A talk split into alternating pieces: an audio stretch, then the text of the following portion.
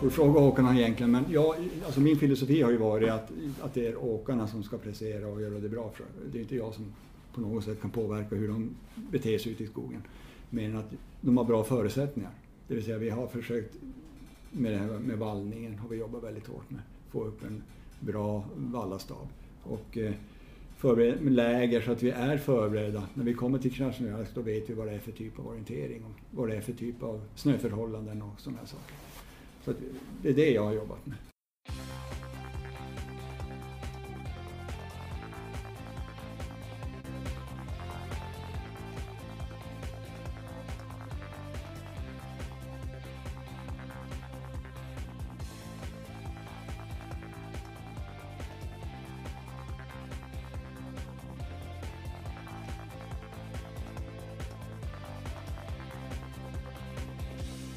Hej där och en riktigt god fortsättning på detta nya år 2019. Det här är Radio O-ringen Podcast med avsnitt nummer 112 för övrigt.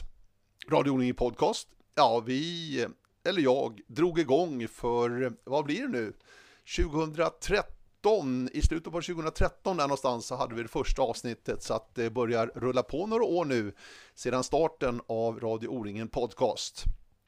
Där jag nu möter eh, ja, personer, profiler, ja, någonting som har med eh, orienteringssporten att göra helt enkelt. Och den här gången, nu blir det sikte mot skidorienterings-VM i Sverige, i Piteå på Valsberget. Mellan den 19 och 24 mars detta år 2019 så är det dags för skidorienterings-VM. Och vi har ju några härliga stjärnor att verkligen förlita oss till och hoppas på naturligtvis. Tove Alexandersson, självklart. Erik Rost, vi minns det framgångsrika VMet senast i Ryssland, där Erik vann sitt första VM-guld förresten. Får se vad Erik kan göra när det drar ihop sig mot Piteå och Vallsberget. Och en som kan svara på det, ja, det är ju förbundskaptenen Frans Wickbom. Det är honom jag har träffat för att prata om skidorientering. Och eh, detta i allmänhet, men i synnerhet då med sikte mot hemma-VM i Piteå på Vallsberget där i slutet av mars månad. Frans Wickbom, militären från Boden, som ni säkert vet, har haft en väldigt framgångsrik period här nu som förbundskapten och han ser verkligen fram mot det här VMet i Piteå. Så att det är bara att luta dig tillbaka och eh, titta framåt och få sköna, insiktsfulla kommentarer och tankar från Frans Wickbom när det gäller skidorientering, uppbyggnad, träning, men också naturligtvis inför detta stora mästerskap på hemmaplan i Sverige alltså i slutet av mars där i Piteå.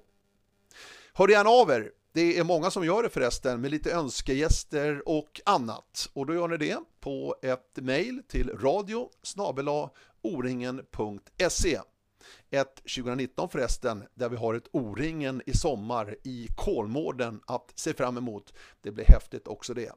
Men nu först alltså om skidorienterings-VM i Piteå 19 till 24 mars detta år. Och det här är förbundskaptenen Frans Wickbom. Ja, jag har ju åkt skidorientering hela mitt liv. Började när jag var jätteliten då i Norrbotten. Och, och i Norrbotten har det ju varit många tävlingar på vintrarna så det har varit full fart för mig från småbarnsåldern uppåt. Kan du se någon skillnad från din barndom då, i skidorientering till dagens läge vad gäller utbudet och annat? Har det skett stora förändringar som du ser det? Mm. Utbudet har väl inte blivit större egentligen tyvärr. Eh, ja, snarare tvärtom. Eh, så det, det har väl gått bakåt och blivit lite sämre kanske men, men eh, sättet att åka skidorientering har ju utvecklat sig otroligt. Ja, det tänkte vi skulle komma tillbaka till för att det är en spännande utveckling ja. faktiskt just på tekniksidan och hur man tar sig fram inom skidorienteringen. Precis. Du, fjärde säsongen nu som vi tittar fram emot med dig då som förbundskapten de svenska skidorienterarna. De här tre första åren mm. med dig som ledare. Eller till att börja med, varför tog du uppdraget till att börja med? Claes Turesson var ju din företrädare som bor i Luleå, Claes. Ja. OK Renen. Varför tackade du ja när frågan kom till dig, Frans? Ja, det var ju så att när Claes var förbundskapten då, då hade vi ett samarbete jag och han. Eftersom jag är, var ansvarig för militära laget i skidorientering. som åker på militär varje år. Och då såg vi en synergieffekt att vi jobbade ihop på läger och sånt där. Så att där började det då så att säga. Och när han slutade, då började han fråga mig om inte jag skulle ta det. Ja. Så det var Claes som frågade dig? Ja, ja, egentligen var det han som frågade mig. Och då ja, jag tyckte det var kul att hålla på och vara ledare då i militärlaget och tänkte det kan jag väl göra. Så jag tog det. Mm. Och då hade du haft en del aktiva som är med både på militära sidan och i skidåkningslandslaget så att säga? Ja, det var ett par stycken som var med i landslaget då på den tiden. Mm. Du, de här tre åren då, har det blivit ungefär som du har förväntat dig? Vad hade du för bild när du hoppade på uppdraget? Det har väl blivit ungefär som jag förväntade mig, fast lite bättre framgångar än jag hade förväntat mig. I början där så visste jag inte hur man förlorade, eller säga, men vi vann ju varenda tävling. De turades om med Tove, Ulrik och Erik och alla möjliga där. Så. Inte en dag utan en världscupseger första året tror jag det var. Det var helt fantastiskt. Sen har, det, ja, sen har det bara rullat på, ett bra VM och så vidare. Mm. Mm. Du hade en ambition, eh, har jag läst mig till då, när du hoppade på det här uppdraget, att försöka lotsa in nya och yngre eh, ja. åkare i seniorlandslaget. Ja. Hur har du lyckats därvidlag, tycker du, så här långt? Jag tycker, ja. på den manliga sidan ser det fortfarande ganska många äldre kvar. På damsidan har det hänt lite mera, eller? Ja, jo, generellt så är ju fortfarande de som eh, är lite äldre som är vassast. Om man nu tycker att Tove är äldre. Jag vet inte. Hon är ganska ung ändå. Men, ja. ja. ja, precis. Hon är född 92. Ja. Så att, eh, jag tycker att det är ganska ungt fortfarande. Ja, precis. Ja. Ja. det finns ju bara en tjej och det är Magdalena som är äldre. Då. Mm. Men det kommer nytt hela tiden och, eh, och jag ser att efter VM i år tror jag kan hända mycket. Jag vet ju inte, det får ju de själva uttala sig om. Men, men på här sidan är de ju lite äldre där så att det finns nog plats tror jag att någon kanske hoppar, slutar efter VM. Mm. Och då kommer det behövas fyllas på. Så att mm. Men på här sidan eh, i och för sig Ulrik Norberg tog ett guld då, Krasnojarsk, på mm. sprinten där. Men Erik Rost har ju burit det här laget väldigt många år nu. Hur länge ska ja, Erik hålla på tror ja, du? Precis. Ja, det, det, ja. ja, men så är det. Han, han är rutinerad och han är det bästa vi har på här sidan. Och det hör, hör ihop med att man blir ju duktigare, eller man blir nästan, om man orkar träna på säga rutiner behövs. Det, det, är eh, mycket klurigt med vägval och skidorientering och välja skidor. Alltså det är en, en komplex sport. Är, det verkligen. är den mer komplex än fotorientering skulle du säga? Jag skulle vilja säga det så. Mm. Men, ja, men du har ju materialsidan ja, tänker jag också då, som du var inne på Frans. Men vi, vi, vi jämför oss kanske inte så mycket mot eh, fotorientering utan vi jämför oss mycket mot skidåkning eftersom vi Eh, där handlar det om att åka jättefort på skidor plus att orientera. Då. Och jämfört med skidåkning så är det mer komplext. Det är. Mm. På vilket sätt då? Ja, men alltså det kommer ju till olika parametrar. Skidåkarna de måste ha bra skidor och vara vältränade. Men vi måste även kunna orientera. Och, och, och ha det i, ja, ta sig fram på olika former av eh, spår så att säga. Både breda pistade spår, smala skoterspår och ibland kanske lite sämre, inte spår alls eller så. Mm. Så det, det, är en helt annan... Det, ja, mm. det är svårt alltså. Eh, skiljer sig skidorienteringen mycket åt där ni kommer nu runt, ni var ju till och med i USA nu, en världscuprunda senaste säsongen. Ja. Skiljer sig mycket att man måste anpassa sig och verkligen förbereda sig på, på olika typer av förhållanden? Ja, det gör det. det, det det är olika förutsättningar i olika länder. Mm. Och det är ju då terrängen som styr lite grann och vad de har för förbud när det gäller terrängkörning och sådana här saker. Så då, då vet man i förväg att här kommer det inte vara lika mycket skoterspår, eller kanske inga alls, utan det blir mest bredspår och en typ av orientering och så vidare. Så att det skiljer. Det skiljer? Ja, och hur, hur, hur mycket kan ni förbereda Hur mycket information får ni också säga, för att kunna förbereda det på rätt sätt och inför specifika tävlingar? Ja, man får ju luska ut lite grann ur de här bullentinerna. Men sen har vi då, som vi nämnde tidigare, rutinerade som, som har varit där tidigare och vet att, hur det ser ut då, så att säga. Och sen kan man ju lista ut det själv också då, när man läser bulletinen och sådana här saker. Mm. Och sen förbereder vi oss, ja, att ska vi åka världscuper och eh, mästerskap i alpländerna, då vet vi att då är det mycket bredspårsåkning. Och då förbereder vi oss mer mot bredspårsåkning. Går det i Norden och Ryssland och sånt där, då vet vi att det är mer skoterspår, så att säga, smalspårsåkning som vi kallar det. Mm. Mer stakåkning. Mm. Tänk på det EM nere i Bulgarien nu senaste vintern. Mm. Det var ju väldigt, väldigt speciellt där snön höll på att försvinna. Ja. Fullständigt. Ja. Hur, hur tacklar man sånt som åkare? Ja, För att det var väldigt speciella och förhållanden. det var väldigt speciella förhållanden. Och eh, åkarna, de blir ju lite störda av sånt där. Det märkte man. Och till slut så började de fokusera lite grann på fel saker. Att de eh, fokuserade mer på hur, hur arrangören hade löst upp ja, problemen så att säga. Och det kan ju inte vi påverka utan vi ska ju påverka det vi kan påverka. Så att, eh, så att eh, vi fick påpeka då att nu ska vi inte bry oss så mycket om arrangörerna. De gör så gott de kan och vi försöker göra det bästa det vi kan påverka. Och sen vart det lite bättre på slutet av VM för oss. Mm. Men var det ett EM, för man såg ju bilderna därifrån bara, att det var ju, det var ju vått, det var ju blött, det var ju vattenplaning nästan det vissa, var- det vissa var- ställen. Det var lite dåligt på vissa ställen men sen blir det ju när media framställer det, då vill de ju visa det som är hemskast och sämst. Och liksom så här. Så det var ju inte överallt de körde i vattenpölar. Men, men eh, ja, Ulrik åkte ju dit på en sån. Han kom full fart ner över en bäck som var öppen och fastnade med en skida och sträckte ljumsken och sen var hela säsongen förstörd. Mm. Så att det, visst var det dåligt. Mm. Det var dåligt. Det är ungefär som eh, när Sportspegeln gör ett inslag om novemberkåsan. Ja. Då letar man upp det största Ja. gyttjehålet Ja, för att få de bilderna. just det. Det var lite så från Bulgarien också. Jo. Skogssport hade det på första sidan och Ja, exakt. vattenpölar. Så är det ju inte överallt. Utan, ja. Nej, precis. Du, annars då? Skidorientering i dagens läge. Mm. Hur stort eller litet skulle du säga att sporten är i, eh, i Sverige och även internationellt? Men om vi börjar i Sverige. Vad, vad, Man kan säga så här. När när jag då höll på och själv att tävla och Mm. åkte skidorientering, då, då åkte ju nästan alla orienterare skidorientering på vintern. För då var det ju vintrar jämt. Och vi åkte klassiskt. Det vill säga vi sprang fram på skidorna kan man ju säga Mm. i, sto- i stora drag. Vi hade inte så stora starka överkroppar som de har idag utan vi hade lunga och sprang fram på skidor Mm. kan man i förenklat ordalag säga så att säga. Och efterhand då när som de här vintrarna blivit som de har blivit då, då har ju intresset minskat tyvärr. Och nu är det ju ja, inte lika många som tävlar tyvärr. Det är Norrbotten och Dalarna som är de stora distrikten och sen finns det lite andra. Och problemet är att vi har inga arrangörer och då får vi inga nya skidåkare. Eller skidorienterare. Utan det är där problemet är. Vi måste ha tävlingar så att folk kan kalla sig skidorienterare Mm. och vilja vara bli skidorienterare och satsa på skidorientering. mm. Kan du känna en oro om du tittar framåt ytterligare tio år? Ja, det är klart jag känner en oro. För, för sporten liksom, det gör jag. Och existensen nästan? Ja, nästan till alltså. För att eh, ja, det har ju minskat så drastiskt eh, de senaste åren så att ja, man känner en viss oro, det gör man. Eh, det har ju naturligtvis med, med vintrarna att göra. Nu hade vi en bra vinter senast här. Ja. Den gångna vintern Ja. har ju varit bra även i södra Sverige. Så att det genomfördes ett antal skidorienteringstävlingar, Ja. det vet jag. Ja. Eh, så får vi se det, men det gäller att man får kontinuitet här också. Det, blir inte, det räcker ju inte med ett år utan det måste, det måste bli några år på raken som det blir bra så att säga.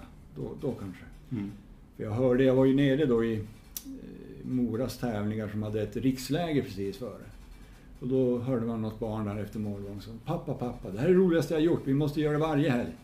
Ja, sa väl pappan där. Kanske inte lika på då. Nej. Men ja. Eh, den här kombinationen som du var inne på också, det känner jag igen mig också från, från min uppväxt. Mm. Att man åkte skidorientering på vintern och sprang fotorientering på somrarna. Så, så var det ju Ja. för oss som växte upp på den tiden på 70-80-talet. Eh, då det var bra vintrar också, allt som oftast, även i Stockholmstrakten där jag växte upp. Mm. Eh, där är vi inte nu. Men just den här dubbleringen, där tog vi ett unikt exempel på att det fungerar verkligen på absolut världsnivå. Men annars, det är inte så många som du ser det som håller på med både och alltså. Nej, de, de, de specialiserar sig på det ena eller andra så att säga. Och det har att göra då med att det har gått då mot att det blir mer eh, överkroppsåkning så att säga. Mer bredspår och eh, då innebär det ju att de, eh, de, de har ingen fästvalla. Det finns ingen idag som åker med fästvalla. Utan det är skate eller stakning som gäller och då måste man vara stark i överkroppen. Och det började jag ju märka redan när jag höll på att åka att eh, man tappade mer och mer mot de som var specialiserade mot eh, skidorientering.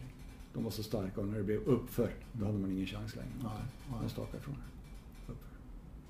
Men vad är förklaringen då till att Tove lyckas leverera Ja. på världsnivå i bägge idrotterna? Ja, precis. Både fot. Ja, både sommar och vinter. Ja. Ja, men det är, det är fantastiskt.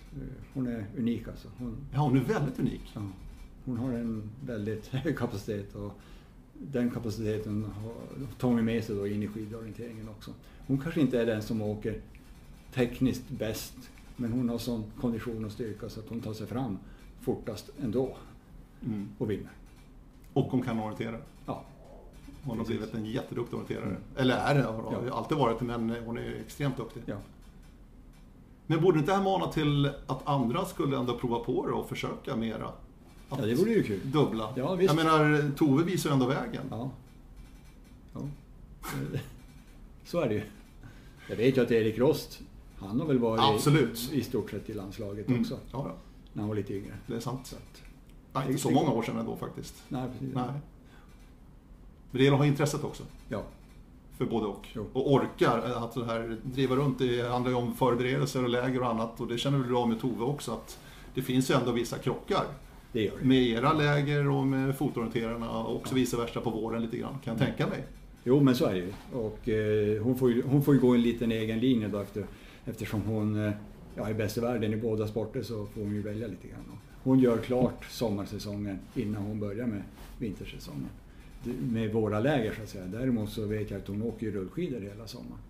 Och det gör hon. Hon säger ju själv att hon kan träna mer i och med att hon varierar sin träning så mycket. Och med både löpning och skid, rullskidor så att säga. Då får hon in fler träningstimmar utan att bli söndersliten så att säga. Mm. Eller utsliten. Mm. Har du sett henne sliten någon gång? Nej, inte att jag har sett henne trött. Det har jag inte gjort. Nej. Ja, efter loppen är hon trött naturligtvis. Ja, men just det här alltså, att, att hon är sliten av att ja. hon håller igång hela tiden. Ja, men, nej, men att, att, att hon skulle liksom... Ja, men hon, hon, hon kan ju under en världscupsvecka eh, när vi är iväg så... Ja, efter loppen så kommer vi tillbaka och äter middag och så vidare. Ja, då får hon springa i 20 kilometer så här. Så att hon, ja, det är otroligt. Alltså. Mm. Verkligen. Vi ska kika framåt VM här i Piteå naturligtvis. Mm. Eh, 2011 så bytte skidorienteringen förbund från Skidförbundet till Svenska orienteringsförbundet. Mm. Eh, kändes ju ganska naturligt, tycker jag då personligen, att det skulle ligga där i och med att IOF har ju legat i under alla åren. Ja. Nu var inte du med på den tiden som förbundskapten, men vad har den förändringen inneburit som du ser det Frans? Du har ändå varit inne i skidorienteringen. Har det skett någon förändring? Har det betytt någonting egentligen, rent krasst? För skidorienterarna? Nej, jag vet inte. Jag kan inte, nu, nu, jag, jag kan inte riktigt jämföra med hur det var på den tiden Nej. eftersom jag inte var med i de- i de här sammanhangen. Så att det, det är svårt för mig att säga. Det känns kanske lite grann att det var lite bättre ekonomi i skidförbundet. Mm. Det tror jag. För resursmässigt så är det ju knapert, det vet jag. Det är, Ja. det är ju för alla, och även för skidorienterarna naturligtvis. Jo. Eh, eran budget då in, inför säsongen och annat, vill du ha mer eller hur, hur löser ni det? Vi vill ju alltid ha mer Ja. naturligtvis. Men, men eh, ja, det får gå. Vi löser det på olika sätt. Och så har vi fortsatt det här samarbetet då med militärlandslaget som vi bedriver läger tillsammans. Och då innebär det att ibland kan vi vara på regementen och bo billigt och på våra träningsläger. Så det inför det. Organisationsmässigt, hur ser det ut för skidorienteringslandslaget? Det är inte bara du Frans, utan det finns väl några andra också som är med och, pillar i den här eh, verksamheten. Ja, eh, jag har ju bundit, bundit upp en, en kille då som, som jag kallar för vallachef. Mm. som, som eh, är ansvarig nu för vallningen i, i landslaget. Varje tävling så att säga. Och det, tidigare har det väl varit lite grann att man har fått lösa det där från gång till gång så att säga. Lite grann. Men han har bra kontakter med vallare och vi har stabilt med vallare så att vi har två vallare som är med på de flesta tävlingar och så fyller vi på efter dem. Mm. Eh, Och sen har vi då en eh, som är eh, ansvarig för juniorerna. Och det är vi tre som försöker lösa det här. Det vi tittar på nu det är att hitta på en ny organisation efter Piteå-VM inför nästa års säsong. Där jag kanske får en annan roll och så får vi lite fler folk som jobbar med skidorientering. Så att det ska bli lite enklare då så att säga. Ja, men berätta mer. Vad, vad innebär det? Den här Ja, jag, vill nya inte, ja, jag vill inte säga så mycket ännu för att vi håller på att titta på det här och det kommer, vi- kommer lägga ut det här på hemsidan och när det börjar bli klart så att säga. Mm.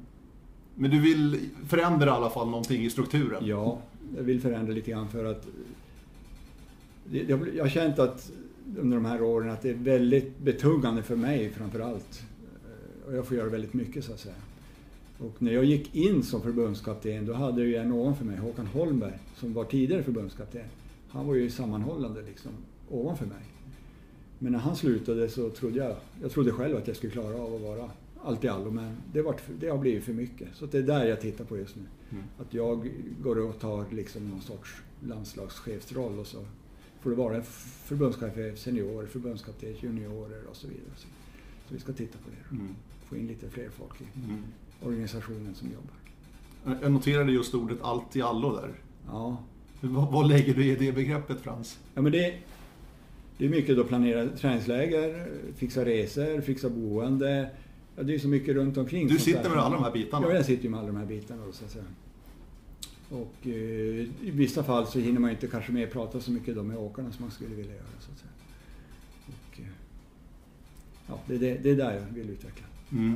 Jag förstår det. Eh, Det känns som att ni, ni är en liten, nästan familj liksom. Mm. Skidorienteringslandslaget. Ja, men det Blir blir det inte ja, lite- det blir lite grann så? Ja, det blir det. Är det på gott och ont eller? Ni känner varandra väldigt väl kan jag tänka mig. Ja, nej, men det är väl egentligen bara på gott. Men det måste hela tiden finnas en, någonting som trycker på. Mm. Så att man inte, nu är jag med i landslaget och mår bra här och är nöjd med det. Utan man måste ju prestera också någonting och det tycker jag vi gör också. Mm. Och då måste det finnas ett tryck underifrån att det ska in nya folk hela tiden. Mm. Som vill in och så. Mm. Eh, nämnde du VMet där i Krasnojarsk. Mm. Eh, långt, långt bort. Ja. Vad är det? 6-7 timmars tidsskillnad mot Sverige. Då förstår man att det är en bit bort. Ja. Men det var ett väldigt bra VM, Ja, sägs det. ja. På vilket sätt var det bra? ja, det var välorganiserat. Eh, Det här VMet var ju då förberedelser för universiaden som kommer gå i vinter. Och universiaden det är väl, man kan säga studenternas OS, vinter-OS blir det. Och det kommer vara, jag vet inte hur många det är, men det är flera tusen deltagare på det då. Och det här var då ett genrep för det här. Och då hade de en organisation som var i stort sett som en olympisk tävling. Med säkerhet och allting uppbyggt. Så det, det, det var bra, en bra organisation runt det hela så att säga. Är det det bästa mästerskapet du har varit på? Ja, det var det. Det är det absolut. Och det fick jag ju höra när jag gick på också att om, om, om, om två år då ska vi åka till Krasnojarsk och det kommer bli stort och fint. han. Och det vart det. Ja. Men det- känns som att när, när ryssarna har mästerskap, då, då brukar det ändå vara bra. Ja. För de tillsätter ändå resurser någonstans. Ja, det tror jag. För att ni var där på världscupen också? Nej, jag har inte Nej, du har inte varit där? Nej, Nej. Det, var, det har bara varit där. Då var det i Krasnojarsk, ja. ja. Precis. Där är ju Tove tog två guld, eh, Ulrik, och så äntligen då fick Erik Rost vinna ett individuellt VM-guld. Just det, jajamän. Det var hans första, Ja, långdistansen där. sen Tove tog ju tre för hon var nu... Ja, och stafetten också med Erik. med. Ja, stämmer. Ja. Med två individuella tänkte jag. Mm. Men just den där dagen när Erik Rost fick vinna sitt långdistansguld, vad, vad känner du för det? Ja, jag kände väl kanske inte riktigt samma känsla som Erik då som hållit på att jobba för det här i så många år då. Men jag kom ju då in året innan som förbundskapten. Men, men det var ju, visst var det ju kul. Fantastiskt. Det såg man ju på honom också. Han var ju riktigt rörd alltså. Ja, fantastisk Mm. upplevelse att få vara med där och se det. Ja, ja. Men framgångar Frans, Mm. du som förbundskapten då, Ja. när det är ett svenskt guld, om det är Tove, eller Ulrik eller Erik eller någon annan. Mm. Tar du åt det också känner du? ja, det är klart jag tar åt mig lite grann. Men, men jag försöker stå till bakgrunden så lite grann. För det är inte jag som gjort prestationen. Det är ju åkarna och det är de som ska ta sig all, all ära. Så är det. Jag, jag har ju inte gjort mm, närmare precis så mycket jobb som de har lagt ner för att få det här guldet så att säga. Så är det. Men någonstans, för att det har gått väldigt bra de här åren du har varit- inne. Sverige har ju varit en, en stark nation alltid i skidhantering, det är ju inget snack om det. Men det har gått väldigt bra de senaste åren. Mm. Men vad har du tillfört, tror du? Dina ledaregenskaper, du har ju varit i den militära världen hela ditt liv i princip. Ja. Kan det betyda någonting? Ja, ingen aning. Får du fråga åkarna egentligen. Men jag, alltså min filosofi har ju varit att, att det är åkarna som ska prestera och göra det bra. För det är inte jag som på något sätt kan påverka hur de beter sig ute i skogen. Men att de har bra förutsättningar. Det vill säga vi har försökt med det här med vallningen har vi jobbat väldigt hårt med. Få upp en bra vallastab.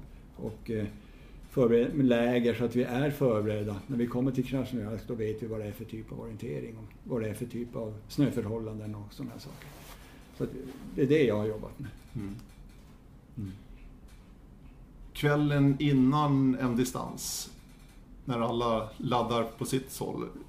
Har du någon samling då? Säg något speciellt eller har du någon sån där? Ja, vi, vi har ju alltid en samling kvällen Mm. innan då vi går igenom då vad, det är för speciella förutsättningar just för den här tävlingen och så vidare. Så att, men eh, nej, jag, jag säger väl inte något direkt att tänk på det här och gör så och si utan det där, det där kan de. Mm. Det, där, det, det diskuteras mer inom laget och delas av erfarenhet mellan varandra än att jag går in och säger hur de ska göra. Du, tillbaka där med tekniken Mm. som har Mm. utvecklats enormt mycket från ja, när vi åkte, vi var nästan träskidor när Ja, du och jag började ja, åka ja, skidor. Så var det ju. Så gamla är vi. Eh, men vad händer där utvecklingsmässigt? Både teknik, material och annat. Mm. Eh. Om vi börjar med materialet, skidor och sådär. Är det samma skidor som längdåkare använder eller är det någon, Ja, det är någon samma. skillnad? Det är samma? Jajamän, Ja, det är ingen skillnad därvidlag? det är exakt samma. Mm. Och då, då, där gäller det då att ha det bästa. Och, och det enda som ja, man skulle önska, men det går nog inte att få, att de skulle vara lite hållbarare. Eh, Just när man åker på skoterspår och sådana här gupp och sånt där, då kan de knäckas. Knäckas, ja. Och det händer ju titt som tätt. Mm. Att det blir något skidbrott och kanske stavbrott också. Mm. Det är ganska tajt mellan varandra när de kommer och kör på skoterspår. De kanske möter varandra ibland och då är det lätt att staven tar i och så, då knäcks den. Det ser man ju på sprinttävlingar, hur, hur lätt en stav går av idag. Det ser man ju. Mm. Alltså på vanliga skidtävlingar. Ja, precis. Absolut. Mm. Eh, Stavarna eh, noterar man ju att ganska stora trugor.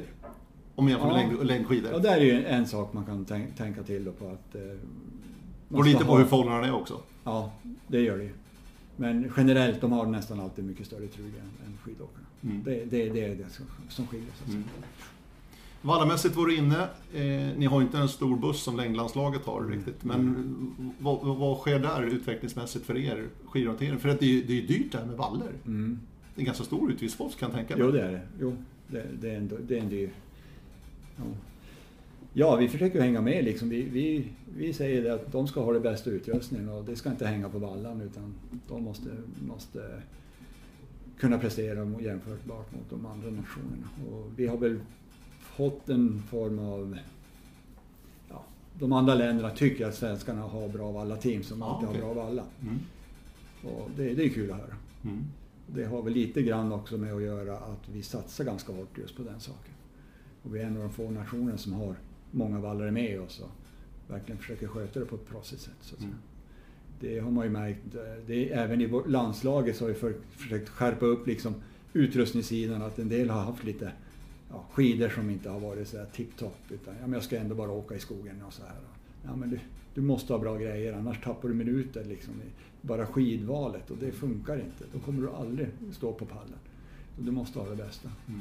Och det ser man ju också på de som är minutiösa och har tränat ordentligt. De har även förberett sig ordentligt. Om man tar Erik Rost, han är noggrann i alla detaljer. Han skulle inte komma med på dåligt vallade skidor till start. Det finns inte på tapeten. Liksom.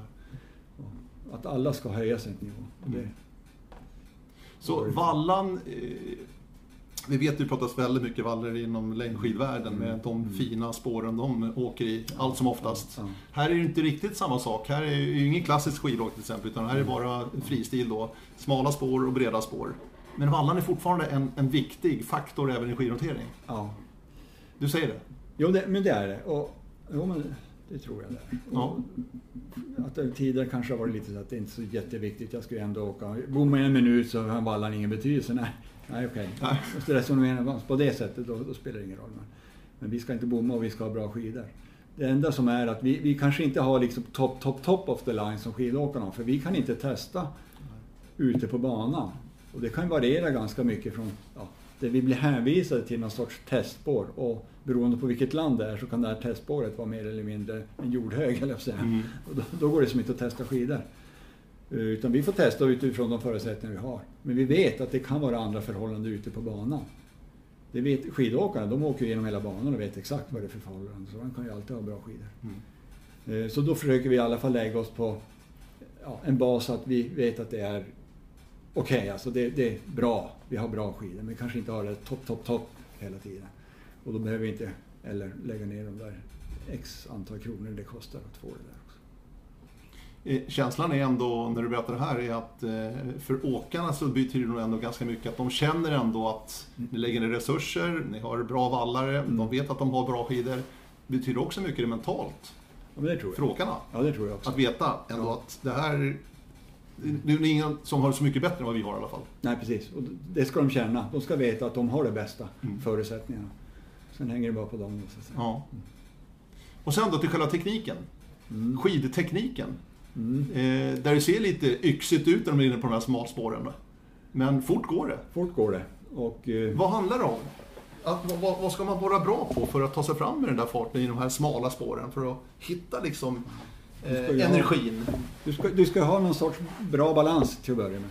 Och kunna parera upp och åka i de här eh, spåren som hela tiden eh, varierar och ser lite olika ut. Eh, och sen ska du vara lite stark i överkroppen, mage, bålen. Det är det de bygger hela åkningen på så att säga. Stakning mm. och skating och så vidare. Jag har ibland haft med mig någon sån här skidtränare mm. som har fått titta på skidteknik på dem. Mm. Eh, men efterhand så säger han ju att ja, det, vi ska inte gå in och ändra så mycket i skidtekniken för det är så komplex skidorienteringen.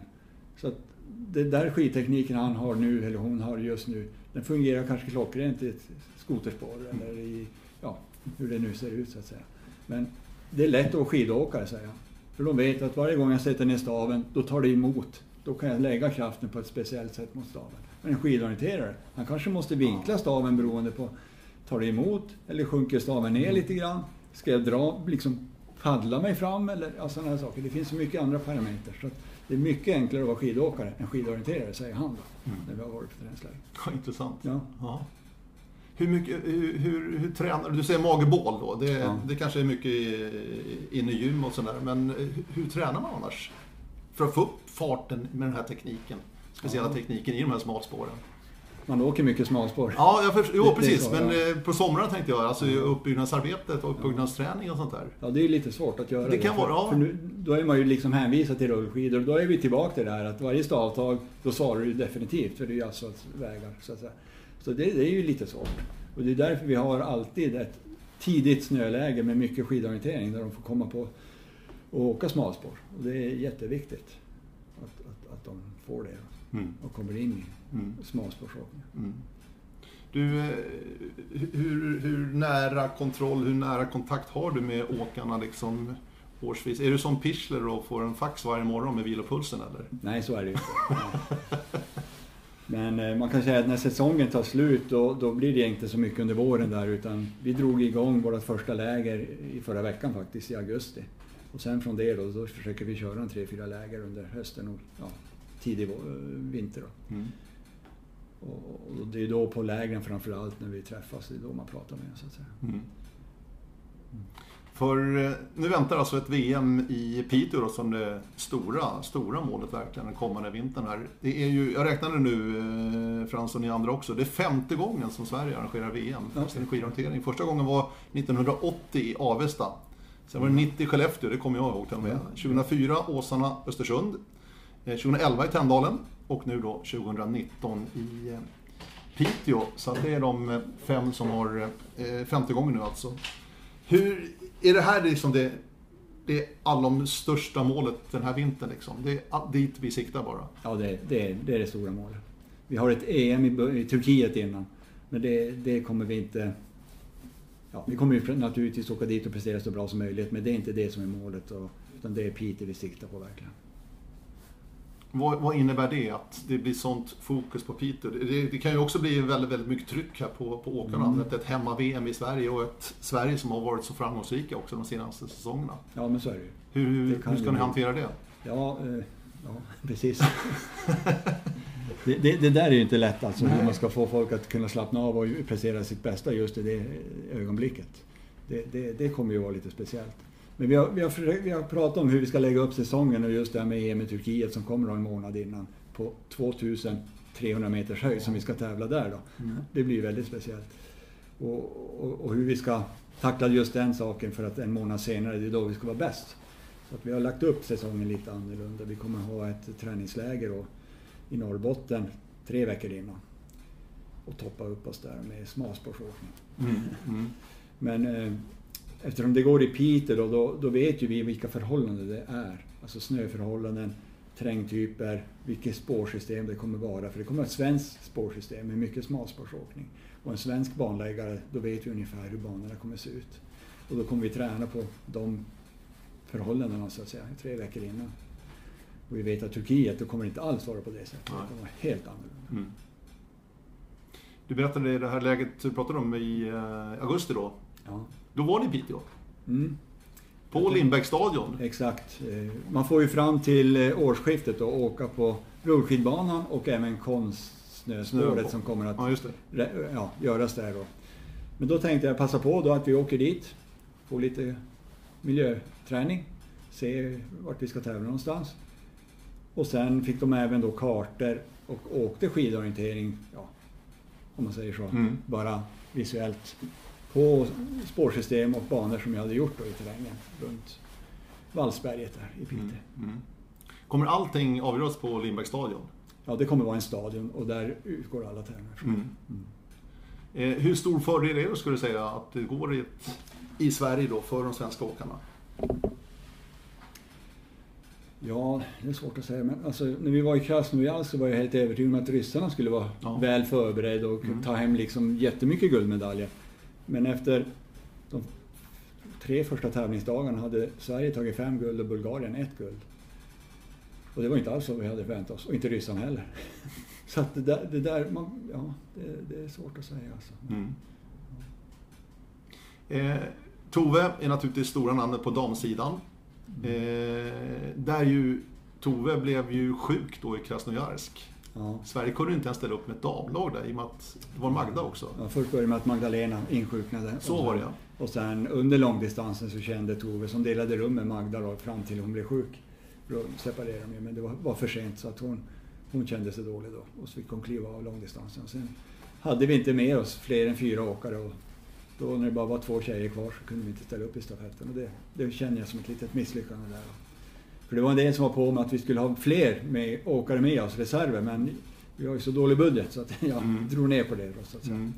Men det är ett misstag av mig och det har jag lärt mig av. Så i Piteå kommer vi ha fler åkare på plats. Mm. Sen är det ju närmare, det är ju Sverige Ja. så det går ju alltid Ja, det är sant. Men man måste ju liksom akkreditera in dem i förväg. Det går inte att komma på dagen innan stafetten, oj vi måste ha en liten åkare, utan de måste ju vara anmälda innan så att säga. Mm. För det var ju, ja, det var ju inte kul alls. Nej, Inte ens det ett svenskt lag på start Mm. i en VM-stafett i skidhantering. Men så var det. Så var det Ja. och eh, det har ju, herrarna vart ju tvåa då på stafetten också. Och det här har ju gjort att nu, nu är vi, ser vi verkligen fram emot VM här i Piteå och vår stora målsättning är att vi ska vinna båda stafetterna.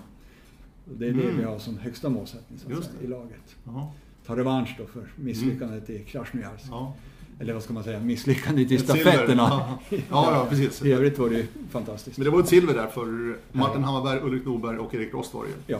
I det laget då i Krasnojarsk. Mm. Men eh, eh, jag tänkte bara inför VM nu, vi ska beta av det lite grann. Eh, Och vi börjar med damerna, där Tove Alexandersson är ju den stora stjärnan, verkligen. Där bakom Tove, vad, vad ser du? Vilka är de starka korten? Om du ser nu till den, den gångna säsongen och vi tittar fram nu mot Piteå och VM. Magdalena Olsson har ju varit Mm. den som har varit så att säga andra namn på damsidan under en längre tid. Och hon, är ju stark, hon går ju framåt hela tiden, varje år. Och hon kan mycket väl stå på pallen, precis som hon gjorde i Krasnojarsk. Hon var ju trea på en distans. Mm. Hon har goda förutsättningar för det. Sen i fjol så tyckte jag Linda Lindqvist visade framfötterna. Och tog ju då en medalj på EM. Och hon är ju en av de här lite yngre då som står och vänt, klampar bakom där. då. Och, och vill in i laget. Och sen finns det, ja det finns flera där. E- Evelina Wickbom, min dotter, då, åkte jättebra i USA. Och tog pallplats på världscupen där. Mm. Frida Sandberg. Eh, Vi har Hanna Eriksson. Och vi har även Isabelle Salén. Och alla de där är väl ett åldersspann på två år. Ja. Och kommer då som nästa. Ja, egentligen så är inte Tove så mycket äldre än dem. Nej, no, lite. Lite äldre. Ja, lite äldre. Men det är på damsidan de då som jag ser framför allt. Mm. Och de här är jättepeppade nu och jättetaggade Mm. inför den här säsongen med ett Piteå-VM Ja. som, som ett stort mål. Jag var ju i Skellefteå på skid-SM när Linda Lindqvist åkte väldigt bra den eh, spännande tävlingen där. Ja. Som också visades på SVT. Mm. Eh, så att Linda som åker för IK Jarl i Rättvik. eh, lyfter fram. Kanske kan vara en stafettåkare till och med. Ja. Ja, spännande. För det känns ganska öppet där bakom Tove, liksom vilka som ska åka med Tove i en stafett. Alltså, som jag ser det just nu och de säsonger vi åkt så är det Mm. Tova och Magda som är Ja. lite säkrare. Mm. Men det får vi se. Ja, det, de ska ju åka om det i vinter också. Mm. Och sen har ju då Linda börjat ta steget fram där, tycker jag. Men det är som sagt det är öppet ännu. Mm. Ja, ja, ja, ja, absolut. Du nämnde Evelina också, din dotter. ja. Hur hanterar ni det? Du som förbundskapten och har Evelina då, så plocka ut lag och annat. ja, precis. Det kan ju vara lite knepigt i vissa lägen, kan jag tänka mig. Ja, det, det, så är det ju. Eh, Och där har jag använt då juniorcoachen, Anne Enman då, Mm. som har haft alla de här yngre under några år innan så att säga, när de kom upp. Som ett bollplank då när jag ska ta ut, när det har blivit svåra situationer. Mm. Så att då har hon hjälpt mig. Mm. Det måste kännas skönt, för att det, det är en knepig situation i vissa lägen. Ja. Sånt här. Ja, men så kan det vara. Ja. Ja. Men eh, kul. Och på här sidan då, eh, där ju Erik Rost verkligen eh, är en utav de stora namnen inför Ja, ja. Kanske blir hans sista VM, man vet ju aldrig. Ja, Man vet aldrig. Han börjar, han börjar bli lite äldre ändå. Ja, Ja, men Erik har ju varit fantastisk. ja. Men han kan få, alltså det, det handlar ju bara om motivationen. Absolut. Så Det håller kan, jag med Han kan alltså. köra hur länge som helst. Ja. Om man bara vill. Men, Ja. men visst, det, Men där bakom har vi då eh, Martin Hammarberg som jag nämnde. Eh, Mm. Hade en fin säsong nu senast tycker jag. ja. Den gångna säsongen eh, för Martin. Eh, Ulrik Nordberg då, världsmästare i sprint i Krasnojarsk. Marcus Lundholm, eh, också en norrbottning. Jo. Eh, en hel del norrbottningar förresten. Ja, några stycken. Det är inte så konstigt Nej. heller. Med tanke på snö och annat. Ja, precis. Ja. Eh, I övrigt då, vilka är med? Erik Blomgren Ja. är väl också med i gruppen nu inför eh, Ja. den här säsongen. Ja. Är det något namn jag har glömt? Linus Rapp Linus också, IFK tog Mora. en pallplats på världscupen i USA Mm. och verkligen visade framfötterna där. Så det, det blir tufft om platserna där också. Ja. Verkligen. Men vem ser du kan ha, har, har liksom banan uppåt nu? För att några av de här känns som ändå lite, in- inte att de går ner för, verkligen inte, att, Mm. men börjar ändå bli till åren lite grann. Ja, de börjar bli lite grann, om man säger jämfört med damlaget så är de här, de är ju äldre än Tove allihop. Mm. Ja, ja, om jag inte missminner mig. Men det är väl så. Men sen kommer det ju då, vi hade Sixten Wahlheim fick ju pröva lite grann i fjol. Han åkte både EM och eh, världscupen i USA och presterade ganska bra faktiskt, måste jag säga. Och sen hade vi tre juniorkillar som tog klivet upp i senioråldern. Och det var ju då eh, Henrik... Hen, nej, ursäkta. Henning Sjö, Sjöqvist Ja. från Stora Tuna. Mm. Han ville jag ju då ha med i U-laget i år, men han tackade nej för han vill satsa på skidskytte. Kommer väl åka någon skidor till EM för att se, hur, se vad, han, vad det blir av honom i framtiden. Robin Salén, som jag också vill ha med i U-laget. Han tog ju medalj på junior-VM. Men eh, han valde att åka till Australien i höst här och då tackade han nej till det. Mm. Och sen var det då min son Rasmus Wickbom då, Mm. som också har tagit junior-VM-medalj och stafetten har de ju varit silvermedaljörer två år på raken här. Och då är han då med i U-laget, med Sixten och en kille som heter Simon Eriksson. Mm. Så att det, det finns ju lite killar som kommer underifrån och de är ju duktiga, både Henning, Robin och Rasmus, och de vill utmana. Mm. Men jag tror det kan vara lite för tidigt att göra det i år i Piteå, men på sikt så tror jag. Är det samma steg skulle du säga Frans, som i fotbollsserien där vi ser det väldigt, väldigt tydligt. Man går från junioråldern, från som 20-åring då, upp till H21 eller D21-klassen. Att Mm. det blir sån enormt trappsteg. Är det samma på skidorienteringssidan skulle du säga? Ja, Ja, det är det. det är så. Ja. Alltså det, det är nu det börjar om man säger så. Nu måste de välja. Ska jag lägga ner den tid som eh, jag måste för att bli tillräckligt bra? Och då handlar det mycket om skola. Vad går jag för skola? Ska jag jobba? Sådana här saker. Det händer ju så mycket i en, en uh, ungdomsliv just när de går ut gymnasiet. De flesta har väl gått kanske då fyra år på en uh, skidorienteringsgymnasium. Mm. Och där tar, då, då kommer det steget. Vad ska jag göra? Mm. Och. Du, vad tror du annars då om skidorienterings-VM i Piteå? Vad ser du framför dig? Rent Ja. eventmässigt, mycket folk och sådana här saker. Vad, vad, tror du? Vad känner du? Jag tror det kommer bli ett välorganiserat VM så att säga. Inte nu på den nivån som man gör i Krasnojar. För där kan man ju bara peka på dem och säga nu ska ni göra följande. Ja. Utan här handlar det om frivillig basis och vi kommer inte få lika mycket funktionärer här. Men, men jag tror de kommer göra ett jättebra jobb. Och Lindbäcksstadion är ju kanonfin. Används för skidor, skidorientering tidigare men framförallt för skid-SM och sådana Mm. saker. Så det är en jättefin stadion. Så det kommer vara jättefina förhållanden. Sen är jag lite tveksam att det kommer så himla mycket publik tyvärr. Det kan komma på helgen. Gör de ett bra PR-jobb så den avslutande helgen, då hoppas jag att det kommer lite folk. Och det är då stafetten går och det är då vi ska slå till och visa här att vi är bäst i världen. Just det. Ja, men det är bra. Det får ju mana er till att åka till Piteå där, den där avslutningshelgen och skidorienterings-VM alltså. Som förresten går, jag skrev upp här någonstans, 19 till 24 mars är det. Ja, det är sent. Ja, Mycket sent. det är väldigt sent. Och så här sent har väl nog aldrig ett mästerskap avgjort i skidorientering tidigare jag. Nej, det kan nog stämma. Ja, det, det som har gjort att de inte får lägga tider, det är just det här universiaden i Ryssland. Som går i mars också. De vill inte, IOF vill inte att vi ska konkurrera med dem. Så att säga. Mm. Annars då, eh, för folk som inte har varit Piteå, Vallsberget och Lindbergsdalen, vad- är det för typ av terräng som väntar där? Ja, är det mycket kuperat eller är det, det... det är ju, Vallsberget är ju ett, en slalombacke. Det är en slalombacke, ja, precis. en slalombacke där. Mm. Och eh, det, det finns fler berg runt där och det kommer vara upp och ner hela tiden i stort sett. Så att det kommer bli tufft VM för Var kan du hitta relevanta områden uppe i eh, Norrbotten eller någon annanstans i Sverige som liknar det här? Ja men det har vi både Boden och Älvsbyn och vi, där vi kommer ligga och träna då. Bara tre veckor innan. Älvsbyn har ju då ett skidorienteringsgymnasium. Eh, och drar ju upp ett spårsystem varje år. Och det spårsystemet kommer vi använda för det är samma då spårdragare i Älvsbyn som kommer vara i Piteå. Så då ja, vet vi att det kommer se ut ungefär Ja, likadant. just det. Just det. Och i Älvsbyn har de samma typ av terräng med en slalombacke och stora berg och så. Mm. Så det kommer bli bra förberedelse. Där finns ju lite hemmafördelar ändå. Ja. Men det, det är ju öppet. Det har Ja, ju gått ut med arrangörerna att kom och träna och använd det spårsystemet som finns i Älvsbyn. Ah, I bulletinen. just det. Så att alla nationer har den möjligheten. Mm. det skulle, ja, jag kan nog tänka mig att ryssarna kommer vara där och träna också. Mm. Å andra sidan, de kanske tycker att de har motsvarande fina förhållanden i Ryssland. Så att, jag vet inte. Är ryssarna de stora, eh, de, den stora nationen så att säga vid sidan av Sverige? Eller Finland? Hur, hur ser det ut där i balansen just nu i skidorienteringsvärlden? Ja, det, det, det är ju Ryssland och eh, Sverige som, som dominerar lite grann just nu. Finnarna har väl tappat lite grann men vi får se om de kommer igen här snart. Kanske slår till här på VM, vi får se. Mm. Och sen har ju då Norge bra åkare och sen finns det någon i Bulgarien och någon enstaka så här. Norge vann ju faktiskt herrstafetten på EM i fjol. Mm. Så att de, har, ja, de är bra. De är bra. Ja, det ska bli spännande att se. Och spännande ska det bli med eh, skidorienterings-VM i Piteå, alltså 19 till 24 mars nästa år. Eh, Frans Wikbo, stort tack! Ja, Eh, trevligt och lycka till nu! jo, tack så mycket. Vintern och skidorienterings-VM i Piteå alltså Ja. i slutet på mars månad. Radio O-ringen Podcast, hör gärna av er. Radio snabel-a o-ringen.se. Vi sätter här bak. Hej då!